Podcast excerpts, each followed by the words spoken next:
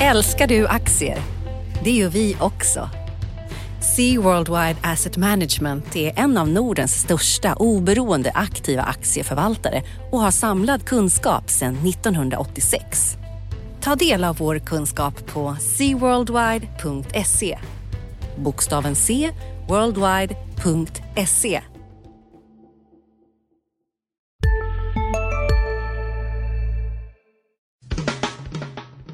Analyspodden från Dagens Industri. Hej och välkomna till Dagens Industris analyspodd. Jag heter Johanna Jansson och idag så har jag äran att prata och podda tillsammans med Rickard Bråse som är med mig på telefon från Göteborg. Hej Rickard! Hej hej! Hur är läget i Göteborg? Jag väntar på regnet. Jag väntar på att det ska återgå till det normala. Ja, det gäller, det gäller även, eh, det kan man kanske säga att återgå till det normala är lite temat för den här podden den här veckan också. Vi ska, eh, vi ska prata lite om eh, vad ett nytt normalt kan vara för börser och räntor bland annat. Eh, men det går ju inte att undvika att prata om råvarupriser. Det står först på vår, eh, det som vi ska prata om. Och sen då lite mer om säsongsmönster och andra risker för börsen i augusti. Råvarupriserna är ju, har ju varit ett tema både den veckan som har gått och även egentligen sista året kan man väl säga. Ehm, för att oljepriset har haft ett sånt stort fall och nu har juli varit ytterligare en dålig månad. Största fallet i såna här gemensamma råvaruindexen. Eh, alltså skuldkrisen i Europa egentligen. Eh, både livsmedelspriser och metallpriser och energipriser är ner. Eh, det slår ju, alltså jag som tänker makro då, jag tänker att det här är någonting positivt för, för konjunkturen. För de flesta länder gynnas ändå av att man får lägre insatsvarupriser. Men det slår ju precis som du säger hårt mot vissa sektorer. Det var ju, hade ett eh, svenskt bolag som rapporterade i veckan som, som det inte gick så bra för, som du också har skrivit lite om. Lundin. Jag fick ja. prata med Ashley Heppenstall i samband med sista eh, kvartalsrapport eh, som vd för Lundin Petroleum. Mm. Um, han har haft en enormt eh, framgångsrik tid. Han kom in 24 maj 2002 när aktien stod i 4,25 och idag står den väl i 115 någonting efter att ha gått ner på den här rapporten och för det blir ingen klang och jubelföreställning som han fick eh, gå ut med här utan det blev tvärtom. Mm, mer Förseningar på ett par ja. och sänkta produktionsprognoser som drog ner aktien ordentligt. Vad, vad, finns, det några andra, vad, kan man, finns det några andra bolag som, som du tycker att man kan... Eh, ja, hur ska man tänka på det här med råvarupriserna och börsen egentligen? Är det, är det, ska man ändå hålla fast, precis som du var inne på här, det finns ju kvalitetsbolag. Är det här, ja, hur slår det mot olika sektorer och företag? Finns det några man ska hålla ögonen lite... Finns det några du vill varna för eller rekommendera ändå? Eller hur, hur ser du på det här? Det har ju visat sig ganska svårt det där om man tittar på våra verkstadsbolag. De har ju inte ens själva förstått implikationen av eh, oljeprisfall och annat. Som SKF till exempel som var väldigt tydliga med att de har Eh, väldigt liten exponering mot det där och sen så visade det sig att deras kunders kunder råkade vara eh, exponerade och så blir det stökigt på grund av det. Så vi såg ju här nu under börs, eh, under rapportperioden när de eh, SKF återigen åkte på storstryk. Också det födde väl lite negativa vibbar för Alfa Laval då som tvärtom levererar en kanonrapport. Så att det där är väldigt svårt att reda ut egentligen hur, exakt hur det slår för olika bolag. Skulle jag säga. Jag tycker att det är svårt. Ja, det är nog sant. Och det, man ser också att det slår väldigt olika. Som jag sa, så jag är övertygad om att för hela, ser man för hela aggregatet, hela världen som helhet, så är det här någonting som brukar ge en skjuts för konjunkturen. Men, men eh, sen slår det ju precis som för bolagen hårt mot enskilda länder. Och vi ser ju några här som drabbas, inte minst då oljeexportörerna. Och de får ju väldigt mycket uppmärksamhet nu, bland annat av oss. Då. Men eh, Ryssland till exempel har ju fått liksom, drabbats hårt av lägre oljepris och krisar lite. Eh, krisar nu. Rubeln är en av de sämsta valutorna här under veckan som har gått. Liksom andra råvaruberoende länder, både i Sydostasien, i Sydamerika. Vi har Venezuela som också är uppe på tapeten som har en liksom väldigt stor andel av exporten just i råvaror. Så det är ju de här men man kan säga, det som vi har sagt förut är att när de här stora fallen kommer så gör det, det gör det ont jag vet inte vad man skulle kunna jämföra med, men det är som ett plåster. Man drar av det så gör det väldigt ont först, men förhoppningsvis så drar man av det för att det faktiskt har skett någonting bra därunder. Liksom. Så det, det, gör, där det gör ont, det syns tidigt. Men de positiva effekterna av ett lä lägre insatsvarupriser, de kommer först med lite eftersläpning. Eh, så det, vi, får, vi får se hur det här spelar ut. För det, det, är klart att det måste finnas en del bolag som faktiskt också gynnas av att det kostar mindre att, eh, att eh, producera med olja. Eh, och sen så tror jag också att jag vet inte vad, vad, du, du skrev i veckan här om att det är svårt att inte vara positiv för oljepriset på lite längre sikt. Är det, hur tänker du kring det? Vad ska man tro om oljan lite längre fram? Det är liksom tillkommer mindre kapacitet eh, på sikt så eh, måste utbudet eh, minska och då är det inte dåligt för priset i alla fall. Nej, Nej men jag, precis. Och det är, alltså jag tror att det nya normala kanske är lägre än tidigare då på grund av att vi har vi har aktörer som har tillkommit. Vi har USA som producerar skifferoljan och sen så har vi förhandlingarna med Iran eh, om ett nytt kärnavtal som då skulle kunna tillåta Iran att exportera sin olja. Men här är det ju faktiskt inte riktigt klart än. Och, eh, nu i veckan så, var en, eh, så stötte Obama på lite patrull här för att baxa igenom det här förslaget i kongressen. Det var en senator som gick ut och sa att han skulle rösta emot. Så att det, är inte, det är inte färdigt än, men, men det är klart att det finns faktorer som, som gör att oljepriset borde ligga lägre nu än vad det gjorde för några år sedan. Samtidigt så har vi liksom cykliska faktorer som att om konjunkturen förbättras eh, så, så, borde vi kunna se ett högre oljepris. Men sen tror jag en annan väldigt viktig grej i det här det är just hur den amerikanska dollarn går. Alltså när oljepriset vände ner förra sommaren, det kom samtidigt som vi gick in i en väldigt snabb dollarförstärkning. Eh, och de flesta råvaror prissätts i dollar så att växelkursen spelar ju väldigt stor roll. Och eh, det gör att både de som exporterar oljan kan acceptera ett lägre pris för att när de växlar in till sina egna valutor så blir skillnaden inte så stor.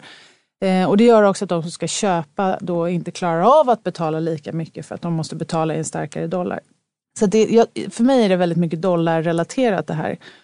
Och eh, just nu så hänger väl dollarkursen samman med, eller det hänger absolut samman med vad man tror att Fed ska göra. Och dollarn brukar gå starkt innan en första räntehöjning framför allt. Och nu är vi nere och nosar på eh, nivåer nära då en mot euron, eller strax någonstans mellan 1,05 och 1,10 mot euron. Eh, så att, eh, det är viktigt och det är väl också någonting som påverkar, men det påverkar ju mångt och mycket svenska bolag, eller hur? Hur, hur kronan sen går mot dollarn. Det har vi väl sett i år. Det känns som hela den här börsuppgången är väldigt dollardriven. Eh, från årsskiftet, årsskiftet och fram. Och då är ju frågan vad man ska sätta för... Vad sätter man för P på dollarvinster egentligen? Det, det, man kan, alltså det som är viktigt att komma ihåg är att det, det går fort i hockey. Att man, när de här växelkursförändringarna de kan gå fort och de kan vända fort. Eh, när man kommer in i en sån här lång... Alltså det, här, det har varit en sån given... Det var en given given grej att dollarn skulle förstärkas i år inför första räntehöjningen. Det är inte alls lika självklart vad som händer om Fed väl kan höja räntan nu här i september.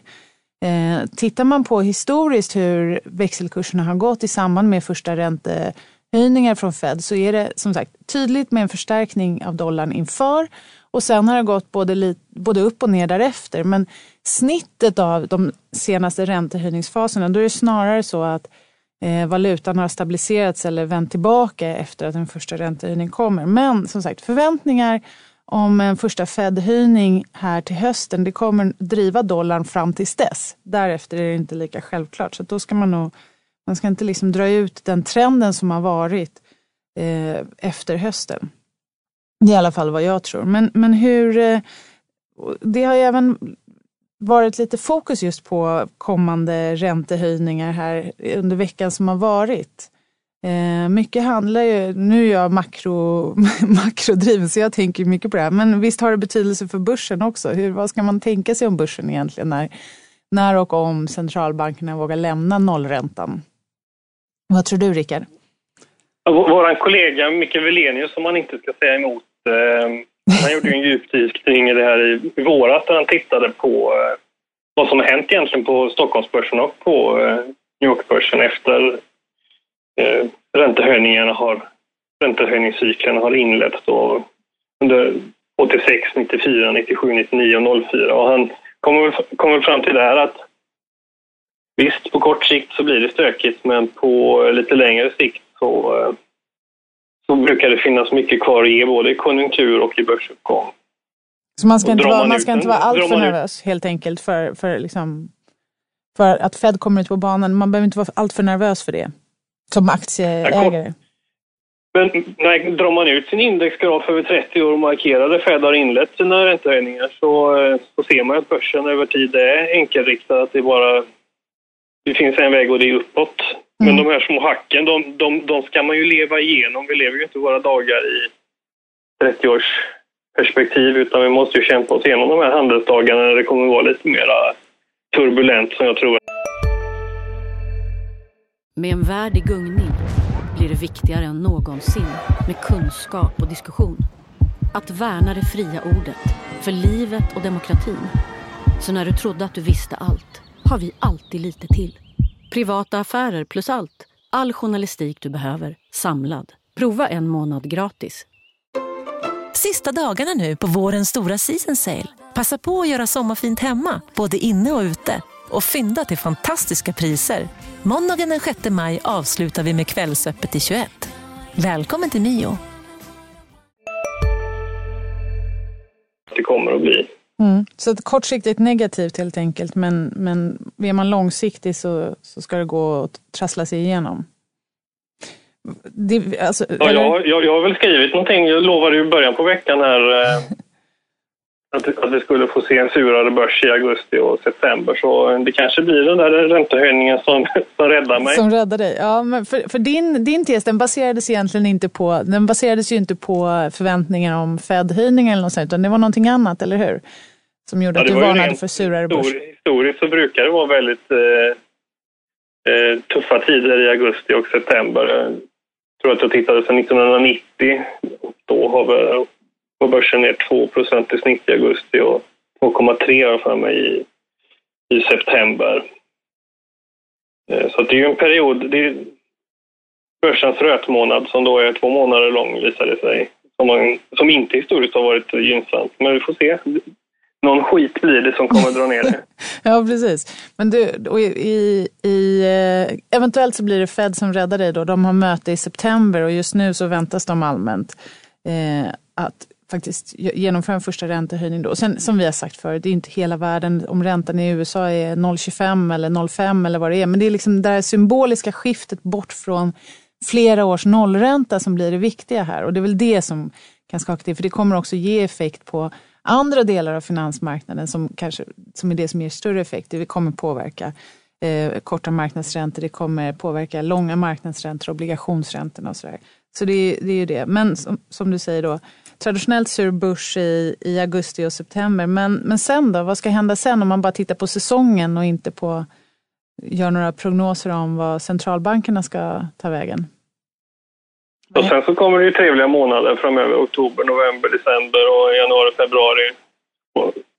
mars, april brukar ju vara bra månader. Eh, som stärker den här tesen om att aktier är en eh, vintersport.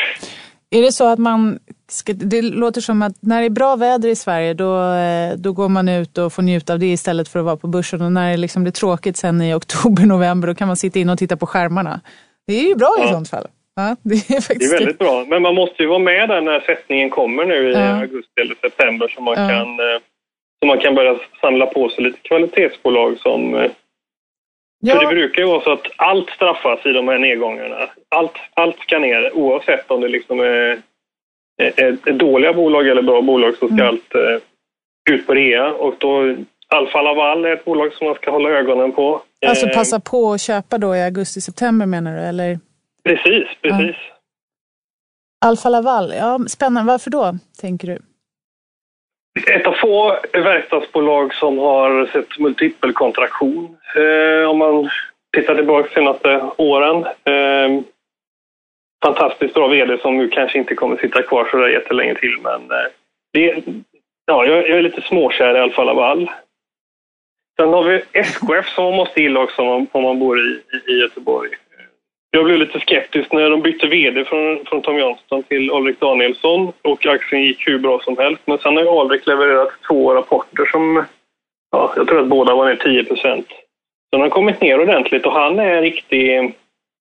Jag tror att han kommer inte flörta med marknaden i onödan utan han kommer fokusera på att leverera och han kommer nog få ordning på den där automotive-divisionen. Så att eh, SKF ska man nog kanske också kunna plocka upp här eh, framåt hösten tror jag. Mm, det låter spännande. Men sen är jag ju väldigt, jag är ju förmodligen mest negativa mannen på DI. Eh, Börsmässigt jag brukar vara fokuserad på vad man ska undvika egentligen. Jag hade en, hade en diskussion om de här enfastighetsbolagen nu i veckan igen. Det finns ett sånt som heter Saltängen till exempel. Ja. Som bara består av ett enda hus.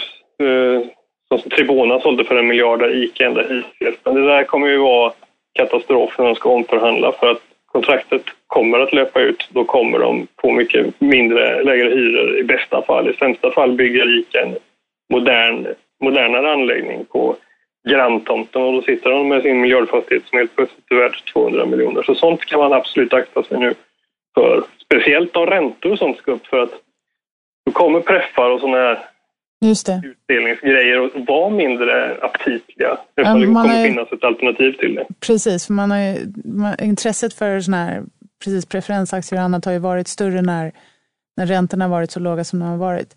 Så kvalitet för, ja, inte kvantitet kanske, men kvalitet, kvalitet håller i längden. Är det så man ska tänka? de här, man ska vara lite försiktig med sånt som har dålig likviditet också väl, antar jag, när, när räntorna väl, väl stiger.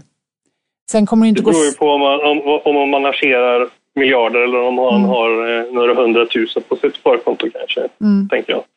Du har miljarder på ditt, så du tänker... Vi får väl se. Efter, efter augusti, september, det kanske kan bli. Men, eh, kanske.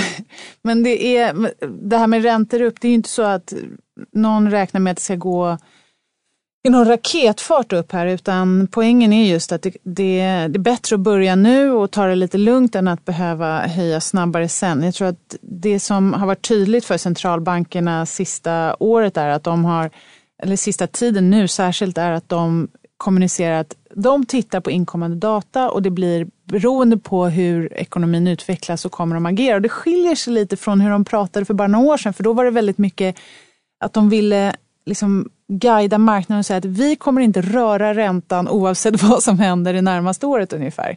Men nu är det lite mer, eh, vad ska man säga, de är lite mer, har lite mer, går på fingertoppskänsla framåt här. Och det är väl också ett sätt att säga att nej, men nu tar vi, vi tar det lite varsamt. De kommer titta på hur marknaden reagerar. Eh, sticker långräntorna för mycket, då tar man det lugnt och sen så liksom hackar man vidare så här. Så att, men som sagt, det, det är ingen raketfart uppåt som gäller utan eh, två steg fram och ett tillbaka kanske till och med. Inte räntesänkningar då, men liksom att man pausar lite. Eh, inte, det, det tror jag är en rimlig prognos. Och det som, därför blir det då extra intressant med makrodata som kommer. Vi, nu spelar vi in den här podden innan eh, arbetsmarknadsstatistiken för USA kommer här Eh, Eh, som den alltid gör första fredagen i augusti. Men, men det kommer vara en väldigt viktig siffra. Starka data från arbetsmarknaden i USA kommer öka förväntningarna om en räntehöjning i september och vice versa. Eh, och sen så kommer det också då Eh, veckan som kommer så, så har vi annat från USA som blir, som blir intressant. Det är lite detaljhandel också. Gällens, eh, det som brukar kallas för Gällens favoritmått som är lite djupare arbetsmarknadsstatistik. Joltsdata kallas den för. Eh, kommer också. Eh, på onsdag. Så, att, eh, så att det blir lite sånt där. Och för svensk del så ligger ju Riksbanken betydligt efter Fed och de andra större centralbankerna eh, när det gäller att de är ju fortfarande inne på räntesänkningar snarare och här får vi då en viktig inflationssiffra nästa vecka som, som kan bli intressant för Riksbanken. Den kommer förmodligen bli låg, inte minst då på grund av fallet i råvarupriser. Så att, men är det någonting annat på agendan, eh, några bolagsrapporter som kommer som du tycker är värt att lyfta eller något annat företagsberoende? Nu kommer ju Hexagon, eller kom Hexagon här i morse, så efter det blir det lite mer tunnsått med tungviktare på, eh, som ska rapportera här nästa vecka. Ratos kommer nästa fredag. Men sen har vi Bactiguard, eh, detta elände som bara lyckas leverera besvikelse på besvikelse. Som ska Ja, vi får se om det blir ännu en besvikelse. Det är drygt ett år sedan aktien börsnoterades så så långt får man väl se det lite som något som håller Refat eller Said-klass nästan. Ja. Eh, jag vet inte om det Vi har skrivit ganska mycket om det i DI, både ris och ros, eller hur? Ja, för Bactiguard har väl mest varit ris tror jag va? Ja, i alla fall senaste året. Ehm, Ja. Ja. men, men det var, det är mm, precis som man får se hur de levererar. Någon som gjorde att vissa såg positivt på den här aktien i början var väl att eh, EQTs vd var inne och stöttade emissionen. ja, det gör ju det hela väldigt Ja. anmärkningsvärt att, eh, att det är en sån eh, namnkunnig person som Thomas von Koch som har satt det här bolaget på börsen. Och både han och EQT har väl klarat sig väldigt lätt undan den här skandalen. Och de lyckades ju stänga en jättefond bara häromdagen. Men man kanske ska vara lite försiktig och ha lite, vara lite ödmjuk inför det där med tuffa starter på börsen. Alfa Laval vet jag började med halvera sin kurs när de noterades i början på 2000-talet och när Coca-Cola noterades 1919 så gick de samma öde till mötes. Men det har ju gått rätt så bra sen. Men Bactiguard har mycket att bevisa kan man väl säga. Mm, vi får se. När var det? Rapporten kommer alltså i veckan som kommer. På Ja, torsdag. på torsdag. Spännande. Så att, eh, håll ögonen på statistiken och eh, bottenfiska inte efter vad som helst helt enkelt. När, när börsen surnar till här eh, i augusti-september. Ska, det bli, eh, ska det bli sammanfattningen av dagens podd? Det låter eh, kärnfullt. ja, det är bra. Ha det bra så länge Rickard. Vi hörs snart. Ja, tack. Hej. Analyspodden från Dagens Industri. Programmet redigerades av Umami Produktion. Ansvarig utgivare Peter Fellman.